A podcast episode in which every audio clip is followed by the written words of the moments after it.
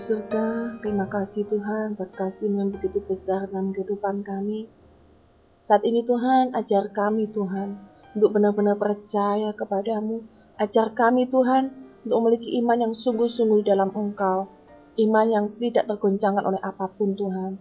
Ajar kami Tuhan, berserah sepenuhnya hanya ke dalam tanganmu Tuhan, karena Engkau adalah Allah yang sungguh luar biasa dalam kehidupan kami. Terima kasih Yesus, kami serahkan semuanya di dalam nama Tuhan Yesus Kristus. Kami berdoa dan mengucap syukur. Haleluya. Amin. Mari saudara, kita akan buka dalam kitab Roma pasal yang keempat. Ayat yang pertama. Jadi apakah akan kita katakan tentang Abraham, bapa leluhur jasmani kita? Sebab jikalau Abraham dibenarkan karena perbuatannya, maka ia boleh dasar untuk bermegah, tetapi tidak di hadapan Allah. Sebab apakah dikatakan nas kitab suci, lalu percayalah Abraham kepada Tuhan, dan Tuhan memperhitungkan hal itu kepadanya sebagai kebenaran. Saudara, pada Roma pasal yang keempat ini dibahas mengenai gimana kehidupan Abraham yang dibenarkan karena iman. Gimana sih? Abraham adalah seorang bapa sampai dikatakan dia adalah bapak orang yang percaya. Karena dia memiliki iman yang begitu besar dan dia dianggap berkenan di hadapan Tuhan dan dia dikatakan sebagai sahabat Allah. Saudara, bagaimana dalam kekristenan kita akan lihat apa sih artinya iman? Karena iman adalah suatu hal yang sangat penting yang harus kita miliki. Secara umum, iman berarti keyakinan atau kepercayaan bahwa sesuatu adalah benar. Sedangkan iman itu sendiri dalam uh, pengertian kita adalah sikap hati yang percaya disertai penyerahan total kepada Yesus. Saudara, kalau kita lihat dalam bahasa Inggrisnya, belief dengan trust memiliki arti yang berbeda. Kalau belief adalah kita mempercayai suatu hal yang secara fakta atau kebenaran. Tetapi trust berarti percaya yang mengandung penyerahan total kepada orang yang kita percayai. Saudara, saya pernah, uh, mungkin saudara-saudara ada yang beberapa mengerti mengenai ilustrasi seorang uh, seorang pemain sirkus ya, yang dia menyeberang menyeberang ini ya air terjun Niagara. Dia adalah seorang pemain sirkus yang bisa berjalan di sebuah tali yang kecil. Dia berjalan menyeberangi uh, menyeberangi air terjun Niagara ini. Dan dia begitu berhasil. Dia menyeberang ke sana, dia menyeberang lagi ke sini. Dia begitu luar biasa dan banyak penonton begitu terkesima melihat kemampuan orang ini. Dia bisa berjalan ke sana ke sini dengan seutas tali, saudara. Dan begitu para penontonnya dia ditanya oleh reporter, Bapak percaya bahwa bap, um, saudara percaya bahwa bapak ini yang pemain sirkus ini bisa berjalan di atas tali?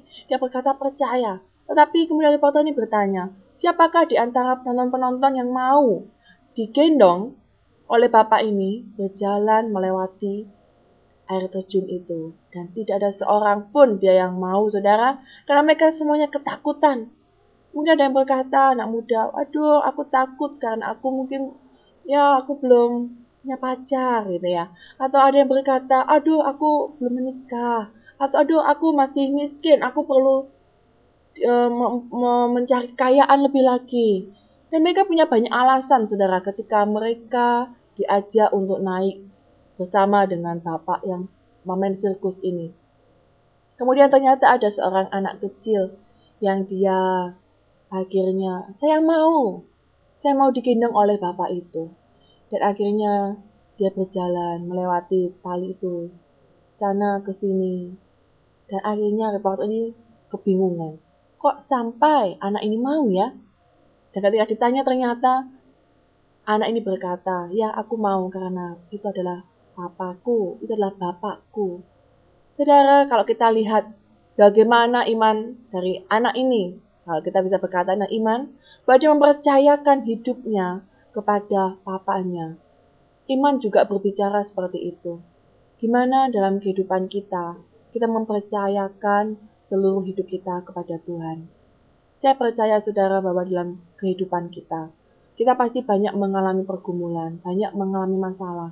Tidak hanya masalah mungkin yang masih muda, kita punya banyak masalah dalam hal uh, ini ya, dalam hal belajar, mungkin sekolah, kuliah, itu mungkin dalam juga hubungan dengan saudara-saudara kita, dengan teman-teman kita, atau dalam masalah dalam keluarga kita, masalah ekonomi, mungkin sudah berkeluarga, mereka punya masalah, masalah yang lain lagi saudara. Dalam kehidupan kita, kita tidak lepas dari masalah. Ya, kita mau belajar bagaimana kita mempercayakan seluruh hidup kita kepada Tuhan. Saudara, kita akan melihat bagaimana iman dari Abraham Iman dari Abraham. Iman dari Abraham yang pertama adalah bagaimana Abraham mau taat kepada Tuhan. Iman yang tidak melihat keadaan, tetapi dia mau melihat apa yang menjadi kehendak Tuhan di dalam kehidupannya. Iman dari Abraham ketika dia diutus Tuhan, disuruh pergi, diperintahkan Tuhan untuk pergi dari tanah Ur Kasdim, dia harus meninggalkan daerah kelahirannya, dan dia harus pergi ke suatu tempat yang Tuhan suruhkan kepadanya. Walaupun dia tidak tahu Tuhan akan bawa dia ke mana, tapi imannya tetap percaya hidupnya ada di tangan Tuhan. Dan dia percaya bahwa Tuhan memegang hidupnya dan ke mana pun yang Tuhan suruh dia mau pergi, dia sangat percaya.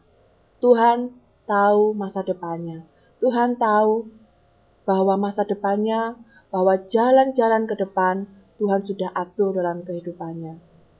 Saudara iman yang pertama, yaitu iman yang mau taat kepada Tuhan.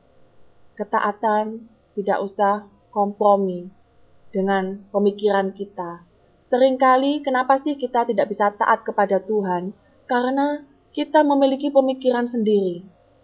Kita merasa bahwa pemikiran kita lebih baik dari Tuhan kita merasa bahwa kehendak kita lebih baik dari Tuhan. Dan apa yang menjadi rencana-rencana kita lebih baik dari rencana Tuhan. Ketaatan berarti kita mengesampingkan apa yang menjadi pemikiran kita sendiri dan kita mau percaya, kita mau menyerahkan hidup kita untuk pada pemikiran Tuhan, untuk kehendak Tuhan yang terbaik. Saudara, berapa besar kita, sering kali kita khawatir dengan masa depan kita, bahwa banyak kita sering kali kita merasa takut dengan kehidupan kita, dengan masalah-masalah kita, dengan masalah ekonomi yang menimpa keluarga kita, dengan masalah-masalah dengan teman-teman kita, dengan saudara-saudara kita, atau mungkin masalah dengan diri kita sendiri. Kita merasa kita tidak layak di hadapan Tuhan. Kita merasa kita minder, kita orang yang tidak bisa apa-apa, sampai mungkin kita merasa menjadi orang yang mungkin paling jelek sedunia gitu ya. Tapi kita mau belajar. Kita mau belajar bahwa Tuhan punya rencana yang terbaik dalam hidup kita. Kita mau belajar taat kepada Tuhan. Saya percaya seberapa besar hidup kita. Hidup kita sungguh berharga dan saya percaya Tuhan sangat mengasihi kita, segala keberadaan kita, Tuhan tahu. Saudara, dari iman Abraham ini, kita mau lihat kembali, yaitu iman untuk menerima janji Tuhan.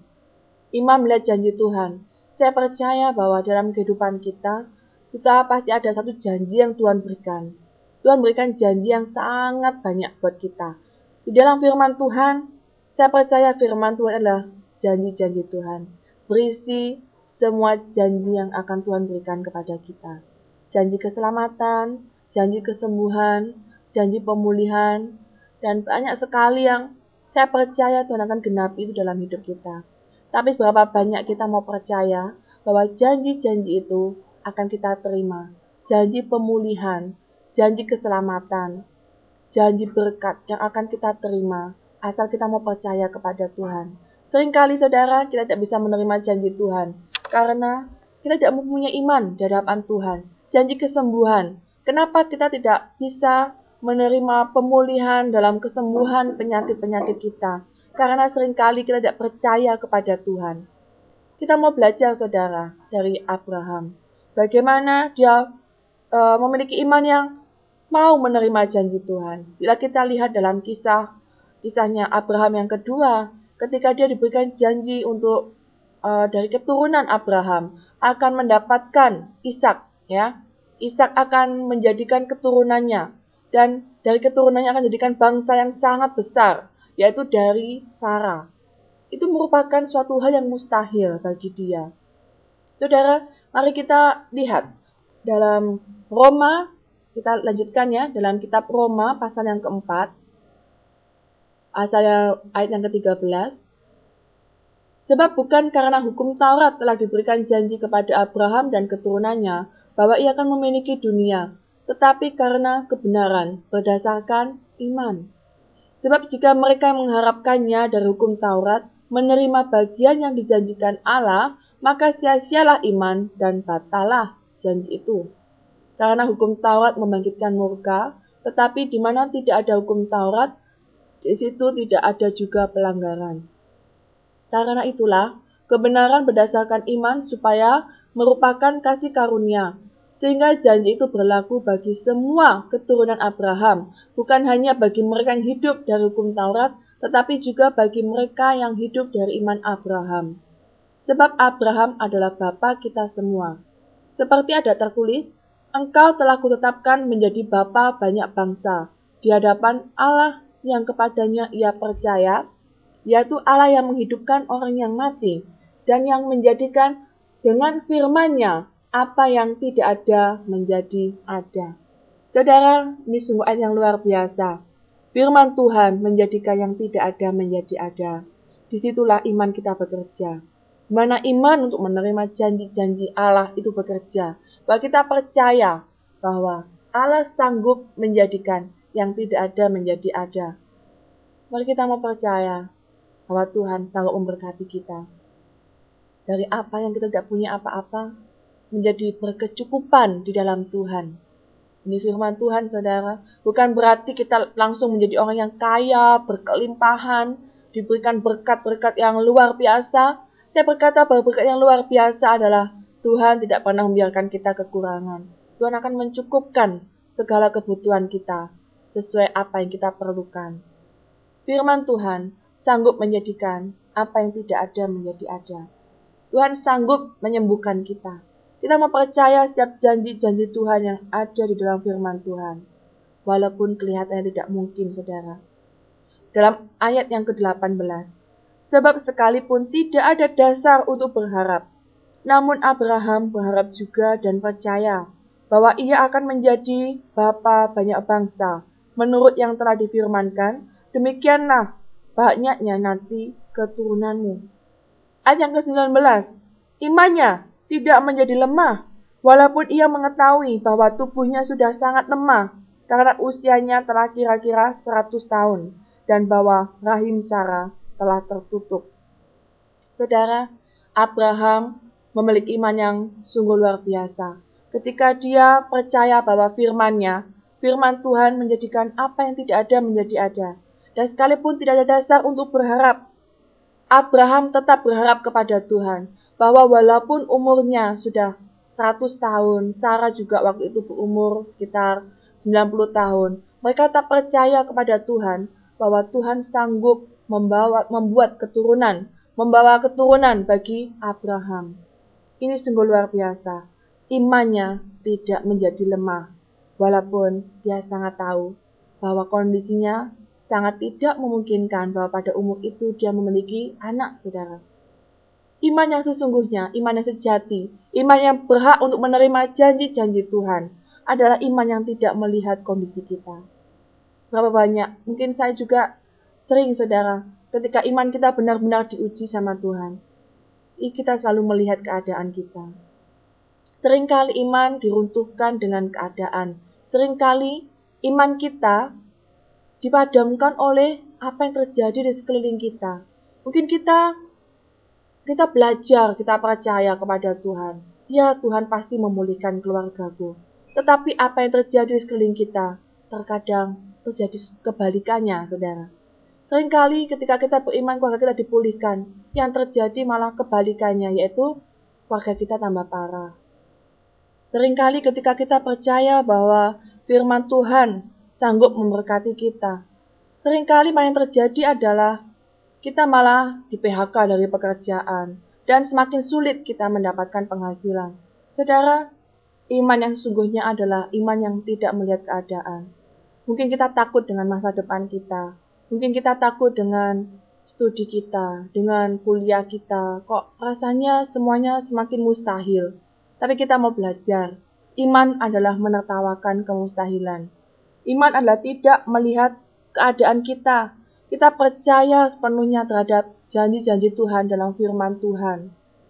Berapa banyak di antara kita yang sering meragukan, apakah Allah sanggup memberkati aku?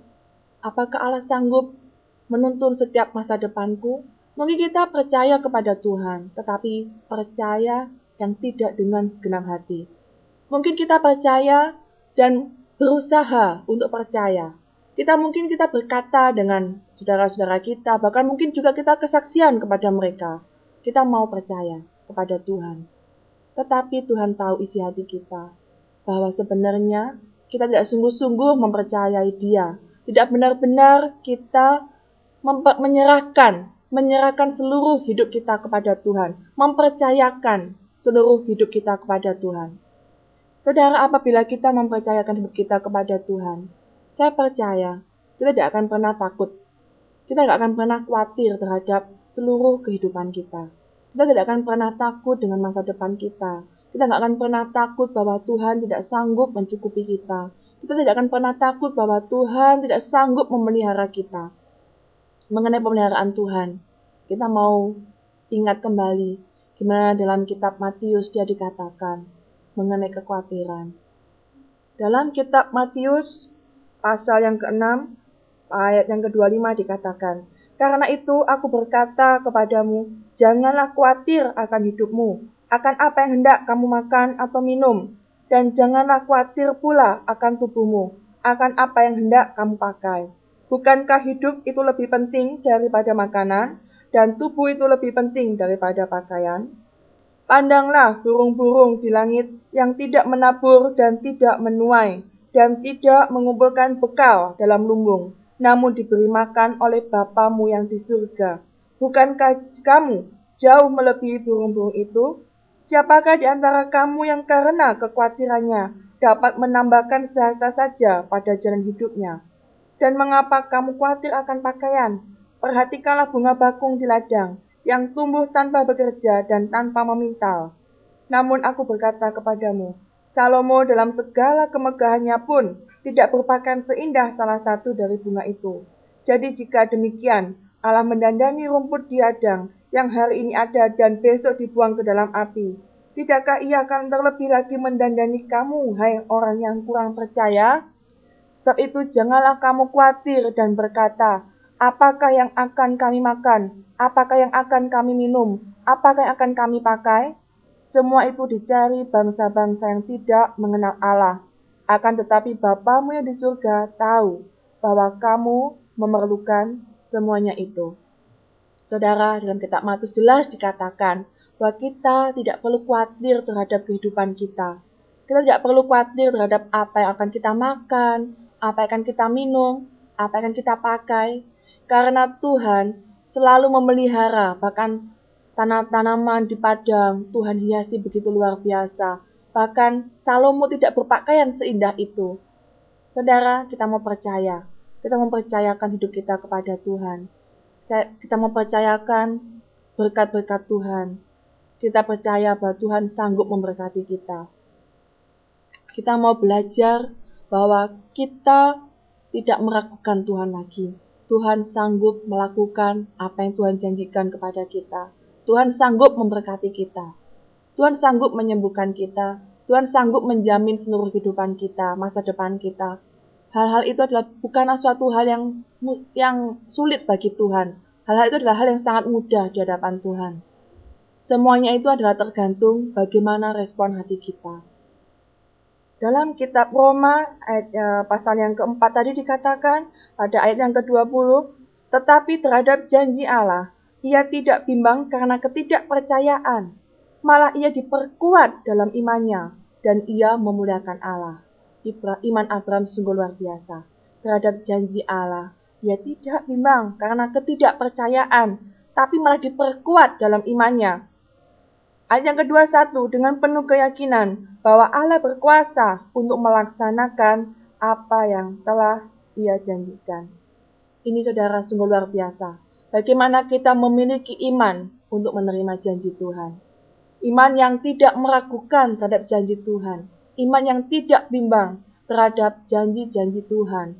Tetapi kita percaya bahwa Tuhan sanggup melakukan apa yang Tuhan janjikan. Karena dia Allah yang sungguh berkuasa untuk menjadikan apa yang tidak ada menjadi ada. Saudara, kita mau belajar untuk yang selanjutnya bahwa iman kita pasti akan diuji oleh Tuhan. Mengapa sering kali kita tidak mendapatkan atau kita menunggu lama untuk kita benar-benar menerima janji Tuhan? Sering, mengapa sering kali rasanya apa yang terjadi tidak sesuai dengan apa yang Tuhan janjikan? Karena Tuhan mau melihat hati kita. Tuhan mau menguji hati kita. Saudara, saya sering kali saya berkata, bahwa jangan sampai kita lebih mencintai janji Tuhan, tapi tidak mencintai Tuhannya sendiri. Kita mau dan Tuhan mau bahwa kita lebih mencintai Tuhan lebih dari janji-janji Tuhan. Karena itu Tuhan sering kali kita uh, Tuhan juga mau menguji kita. Apakah hati kita benar-benar mencintai Tuhan? Iman kita akan diuji. Seberapa besar kita mencintai Tuhan lebih dari janji-janji Tuhan. Saudara, kalau kita lihat dalam kisah Abraham, ketika dia diuji oleh Tuhan, yaitu yang kedua adalah iman untuk melepaskan segala sesuatu, yaitu ujian terhadap iman kita. Hal yang tidak paling hal yang paling tidak enak dalam hidup kita adalah ketika kita menghadapi ujian. Ujian adalah sesuatu yang tidak enak, saudara. Mungkin kalau kita masih di uh, sekolah, ya, kita pasti tidak enak kan kalau kita mau ujian. Kita pasti belajar dengan keras, kita harus belajar sungguh-sungguh dan kita sering kali kita merasa tegang ya. Kalau sampai kita tidak lulus dalam ujian, kita pasti mengulang atau mungkin tidak naik kelas. Saudara, ternyata di dalam kehidupan kita, dalam iman kita, dalam pertumbuhan iman kita, kita juga perlu belajar. Iman, kita memiliki iman, kita perlu belajar. Iman perlu bertumbuh, saudara. Tidak mungkin Iman itu kita langsung memiliki iman yang besar. Iman itu memerlukan pertumbuhan. Iman bertumbuh seperti biji sesawi ya, dari kecil sekali dan akhirnya bertumbuh menjadi besar. Karena itu iman perlu diuji. Karena itu iman perlu dilatih, saudara. Iman itu ketika kita melepaskan, kita mau belajar bagaimana ketika iman kita diuji, kita mau belajar melepaskan apa yang berharga dalam hidup kita. Ketika iman Abraham diuji oleh Tuhan, ketika saya percaya saudara, ketika dia iman yang pertama, ketika iman yang menerima janji Tuhan, ketika janji Tuhan mengenai keturunan Abraham itu digenapi dalam hidup Abraham. Ketika Ishak akhirnya lahir, begitu dia bersuka cita bahwa dia menerima apa yang Tuhan janjikan. Saya tidak bisa bayangkan saudara, ya mungkin Bapak Ibu yang sudah memiliki anak yang pertama gitu ya, dia pasti bersuka cita ketika dia memiliki anak yang, wah, dia anak pertama pasti anak yang dinanti-nantikan, dia begitu mengasihi gitu ya. Tetapi ketika Tuhan berkata, Abraham, persembahkanlah Ishak kepada aku. Tuhan berkata seperti itu. Saya tidak bisa membayangkan, saudara, bagaimana perasaan Abraham waktu itu dia mungkin berkata, Tuhan, kenapa pula engkau dulu memberikan janji untuk memberikan Isa kepadaku dan akhirnya engkau ambil kembali. Ini sungguh tidak adil. Mungkin Abraham berkata seperti itu, saudara. Oh, mungkin Abraham tidak berkata seperti itu ya. Mungkin kita berkata seperti itu ya. Mungkin kita berkata, Tuhan tidak adil. Ngapain Tuhan masih berjanji waktu itu? Sampai Abraham menanti dengan sabar, menanti dengan sabar bagaimana janji mengenai keturunannya akan diberikan. Tetapi mengapa?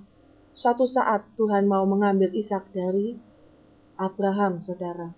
Ini adalah ujian terhadap iman yang mungkin harus kita lalui. Bagaimana ketika kita setelah menerima janji Tuhan, atau mungkin kita belum menerima janji Tuhan, kita mau belajar melepaskan apa yang berharga dalam hidup kita. Ishak adalah seorang yang sangat berharga di mata Abraham, karena anak yang sangat dia kasihi, anak yang dari rahim Sarah, yang anak yang dijanjikan Tuhan, yang bakal membuat bangsa yang besar dari keturunan Ishak ini, saudara. Tapi ketika Tuhan meminta Ishak dari Abraham, kita mau lihat reaksi Abraham yang sungguh-sungguh luar biasa, yang kita perlu belajar dari Abraham. Dia begitu antusias. Ketika dia pagi-pagi buta, dia harus berangkat untuk mempersembahkan Ishak ke sebuah gunung untuk mempersembahkan Ishak kepada Tuhan. Dia bahkan tidak berkata atau mungkin saya nggak tahu saudara mungkin gimana imajinasinya gimana Abraham apakah dia sedih? Saya percaya dia pasti sedih saudara. Tapi dia mau belajar taat kepada Tuhan ketaatan Abraham yang sungguh luar biasa dia rela melepaskan sesuatu yang berharga dalam hidupnya untuk Tuhan saudara bagaimanakah dalam hidup kita iman kita ketika iman kita diuji oleh Tuhan. Apa kita lebih mencintai Tuhan daripada semua yang kita miliki di dunia ini? Apakah kita lebih mencintai Tuhan lebih daripada harta kita, lebih daripada mungkin kekasih kita, lebih dari suami atau istri kita, lebih dari kedudukan kita, lebih dari orang tua kita mungkin, atau bahkan lebih daripada kehormatan, kedudukan, semua yang dicari oleh dunia ini. Saudara kita tahu bahwa Allah adalah Allah yang pencemburu. Allah tidak suka bila kita memiliki berhala-berhala dalam hidup kita.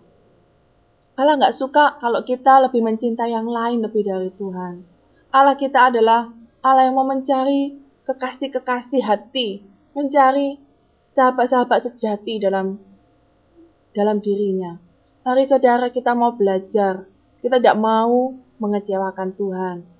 Saudara, kalau kita tahu bagaimana respon dari Abraham, mungkin kalau kita sering kali ketika Tuhan mengambil sesuatu dari diri kita, mungkin ada seorang yang kaya, begitu kaya, dan akhirnya terbakar semua harta kekayaannya. Ya mungkin ada yang uh, yang pandai sekali dan akhirnya Tuhan ambil itu kepandaiannya atau ada orang yang memiliki uh, kekasih dan akhirnya Tuhan ambil pacar atau kekasihnya atau Tuhan ambil suami atau istrinya atau Tuhan ambil anaknya. Apakah respon kita kecewa dengan Tuhan? Ataukah respon kita tetap kita mengasihi Tuhan? Apa respon kita tetap kita bersyukur kepada Tuhan? Saudara, apabila kita masih normal, apabila kita adalah masih manusia yang normal, sering kali kita kecewa. Saya percaya, sering kali manusia kecewa kepada Tuhan bila Tuhan mengambil sesuatu yang berharga dalam hidup kita. Tapi saya percaya juga bahwa kita bukanlah seperti orang dunia, bahwa kita adalah orang Kristen yang berbeda dengan dunia. Ketika Tuhan mau menguji iman kita, ketika Tuhan mau ambil sesuatu dari hidup kita, saya percaya kita mau belajar dari Abraham. Abraham tidak pernah kecewa kepada Tuhan atau marah kepada Tuhan karena Tuhan ambil Ishak dari hidupnya. Abraham tetap memuji Tuhan. Abraham tetap menyembah Tuhan dan Abraham tetap bersyukur kepada Tuhan. Dia tidak kecewa sama sekali kepada Tuhan. Dalam kitab Roma pasal yang ke-8 ayat yang ke-35 kita mau lihat siapakah yang akan memisahkan kita dari kasih Kristus? Penindasan atau kesesakan? Atau penganiayaan? Atau kelaparan, atau ketelanjangan, atau bahaya, atau pedang, saudara, tidak ada satu pun yang bisa memisahkan kita dari kasih Kristus. Kita sangat percaya bahwa Tuhan adalah Allah yang sangat mengasihi kita. Dia tidak akan mencobai kita melebihi kekuatan kita. Kita percaya bahwa apa pun yang terjadi dalam hidup kita, Tuhan berikan yang terbaik.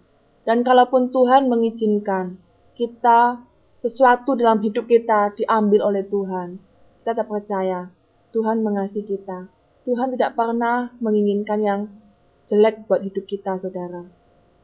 Semua yang terjadi dalam hidup kita, semua mendatangkan kebaikan buat kita. Dalam Roma 5 ayat 1 sampai ke 5, itu dikatakan hal-hal yang sungguh luar biasa. Sebab itu kita dibenarkan karena iman, kita hidup dalam damai sejahtera dengan Allah oleh karena Tuhan kita Yesus Kristus. Ketika kita memiliki iman, yaitu kita mempercayakan seluruh hidup kita kepada Tuhan, kita akan memiliki damai sejahtera bersama dengan Tuhan. Karena Tuhan yang menjamin hidup kita, karena apa pun yang terjadi dalam hidup kita, semua ada dalam kehendak Tuhan, asal kita berserah total kepada Tuhan. Oleh Dia, kita juga beroleh jalan masuk oleh iman kepada kasih karunia ini. Di dalam kasih karunia ini, kita berdiri dan kita bermegah dalam pengharapan akan menerima kemuliaan Allah. Dan bukan hanya itu saja, kita malah bermegah juga dalam kesengsaraan kita Saudara, ini sungguh ayat yang luar biasa karena firman Tuhan berkata, kita bermegah dalam kesengsaraan kita. Ini mungkin ada orang yang bicara kita seperti orang gila, saudara, karena orang yang sengsara malah harus bersuka cita, bermegah. Biasanya kalau orang dunia berkata bahwa orang yang sengsara pasti sedih, pasti menderita. Tapi firman Tuhan berkata, ketika kesengsaraan itu datang, kita boleh bermegah ketika sesuatu kita harus melepaskan sesuatu itu ketika kita memberikan sesuatu yang terbaik kepada Tuhan yang berharga karena Tuhan mau mengambilnya kita malah bersemegah kita malah bersuka cita karena kita tahu bahwa kesengsaraan itu menimbulkan ketekunan dan ketekunan menimbulkan tahan uji dan tahan uji menimbulkan pengharapan dan pengharapan tidak mengecewakan karena kasih Allah telah dicurahkan di dalam hati kita oleh Roh Kudus yang telah dikaruniakan kepada kita. Saudara, kita tetap memiliki pengharapan di dalam Tuhan. Bahwa apa pun yang terjadi, Tuhan mau yang terbaik buat hidup kita. Saudara, pengharapan tidak pernah mengecewakan. Iman berhubungan dengan pengharapan. Ketika kita memiliki iman di dalam Tuhan, kita pasti memiliki pengharapan bahwa Tuhan akan melakukan sesuatu. Orang yang tidak mempunyai pengharapan adalah orang yang cepat berputus asa dan orang yang cepat sekali dia tidak memiliki gairah hidup. Mungkin dia seperti kalau saya bisa ibaratkan dia seperti orang yang mayat hidup, saudara. Mayat hidup. Dia kelihatannya hidup, tetapi dia tidak punya pengharapan. Dia selalu berputus asa. Tidak ada pengharapan tentang masa depan. Semuanya dianggap sia-sia. Saudara, kita adalah sebagai orang yang mempunyai Tuhan yang luar biasa. Memiliki Tuhan yang hidup. Jangan sampai kita meragukan kuasa Tuhan. Tuhan kita adalah Tuhan yang hidup, bukan Tuhan yang mati, yang tidak berkuasa melakukan sesuatu. Dia sungguh Allah yang sungguh luar biasa. Kita harus tetap memiliki pengharapan di dalam Tuhan. Mungkin saudara memiliki pengharapan mengenai pasangan. Kita percaya Tuhan sanggup memberikan pasangan yang terbaik. Mungkin kita memiliki pengharapan mengenai masa depan kita. Kita percaya bahwa masa depan kita dijamin oleh Tuhan. Mungkin kita punya pengharapan mengenai berkat-berkat Tuhan dalam kehidupan keluarga kita. Kita percaya Tuhan sanggup memberkati keluarga kita. Tuhan kalau mau memberkati kita, memulihkan kita, menyembuhkan kita. Seperti semudah membalikkan telapak tangan, saudara. Tinggal sekarang gimana kita mau belajar mempercayakan hidup kita kepada Tuhan. Tuhan sangat merindukan kita memiliki iman. Sampai Tuhan berkata, ketika aku datang kembali ke dunia ini, adakah aku mendapati iman di bumi ini? Saudara, saya berharap bahwa Tuhan akan mendapati iman-iman kita ketika Tuhan datang kembali ke dunia ini. Kita mau belajar memiliki iman seperti Abraham. Tapi ada satu hal saudara yang saya mau sampaikan kepada saudara-saudara. Bahwa apa pun yang terjadi dalam hidup kita, jangan sampai kita kecewa. Dan sering kali Tuhan mau, tadi saya katakan bahwa Tuhan mau menguji kita. Saya mau belajar dari kisah Sadrah, Mesak, dan Abednego dalam kitab Daniel 3 ayat yang ke-16 sampai 18. Lalu Sadrah, Mesak, dan Abednego menjawab Raja Nebukadnezar, Tidak ada gunanya kami memberi jawab kepada Tuanku dalam hal ini. Jika Allah yang kami puja sanggup melepaskan kami, maka ia akan melepaskan kami dari perapian yang menyala-nyala itu, dan dari dalam tanganmu ya Raja. Tetapi seandainya tidak, hendaklah Tuanku mengetahui ya Raja, bahwa kami tidak akan memuja dewa Tuanku, dan tidak akan menyembah patung emas yang Tuanku dirikan itu. Sadra Mesak Abednego memiliki iman yang luar biasa. Sekalipun Tuhan tidak menolong mereka, mereka tetap menyembah kepada Tuhan dan mereka tidak akan menyembah berhala-berhala yang harus disembah. Pada waktu itu disuruh oleh Raja Nebukadnezar. Saudara dalam kehidupan kita, apa pun yang terjadi, kita mau mencintai Tuhan lebih dari semuanya, lebih dari harta kita, lebih dari keluarga kita. Sekalipun Tuhan mau ambil semuanya, sekalipun Tuhan tidak memberikan janji-janjinya buat kita, kita tetap mencintai Tuhan. Itu yang terlebih penting dari hidup kita.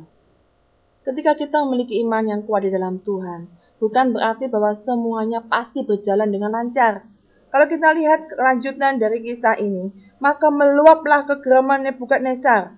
Air mukanya berubah terhadap Sadrah, Mesak, dan Abednego, lalu diperintahkannya lah supaya perapian itu dibuat tujuh kali lebih panas dari yang biasa. Kepada beberapa orang yang sangat kuat dari tentaranya, diperintahkannya untuk mengikat Sadra Mesak dan Abednego dan mencampakkan mereka ke dalam perapian yang menyala-nyala itu. Lalu diikatlah ketiga orang itu dengan jubah, celana, topi, dan pakaian-pakaian mereka yang lain dan dicampakkan ke dalam perapian yang menyala-nyala. Karena titah raja itu keras, dipanaskanlah perapian itu dengan luar biasa sehingga nyala api itu membakar mati orang-orang yang mengangkat Sadra Mesa dan Abednego itu ke atas. Tetapi ketiga orang itu, yakni Sadra Mesa dan Abednego, jatuh ke dalam perapian yang menyala-nyala itu dengan terikat. Saudara, kalau kita lihat bahwa iman Sadra Mesa dan Abednego, ketika dia mau tetap mempertahankan Tuhan dengan segenap hati mereka, mereka tidak mendapatkan pembebasan secara langsung, tapi mereka harus melewati dapur api yang menyala-nyala. Saudara, ini iman yang sungguh-sungguh luar biasa. Walaupun kita mempertahankan Tuhan, kadang kita pun harus menderita sengsara. Karena Tuhan mau menguji hati kita. Walaupun kita benar-benar kita mau mencintai Tuhan, kita mau menyembah Tuhan, terkadang kita juga harus melewati dapur api yang menyala-nyala. Tapi kita mau melihat pemeliharaan Tuhan. Bahwa Tuhan akhirnya, kalau kita lihat dalam uh, ayat yang ke-28. Berkatalah Nebukadnezar, terpujilah Allahnya Sadrah, Mesa dan Abednego. Ia telah mengutus malaikatnya dan melepaskan hamba-hambanya yang telah menaruh percaya kepadanya dan melanggar tita raja dan yang menyerahkan tubuh mereka karena mereka tidak mau memuja dan menyembah Allah mana pun selain Allah mereka. Sebab itu aku mengeluarkan perintah bahwa setiap orang dari bangsa, suku bangsa, atau bahasa mana pun ia yang mengucapkan penghinaan terhadap Allahnya Sadrah, Mesa, dan Abednego akan dipenggal-penggal dan rumahnya akan dirobohkan menjadi timbunan puing karena tidak ada Allah lain yang dapat melepaskan dengan demikian itu. Saudara, keputusan Sadrah, Mesa, Abednego membawa pemulihan yang luar biasa. Bahkan tidak hanya membuat mereka bebas dari dapur api, mereka lolos dari dapur api saja, mereka selamat saudara.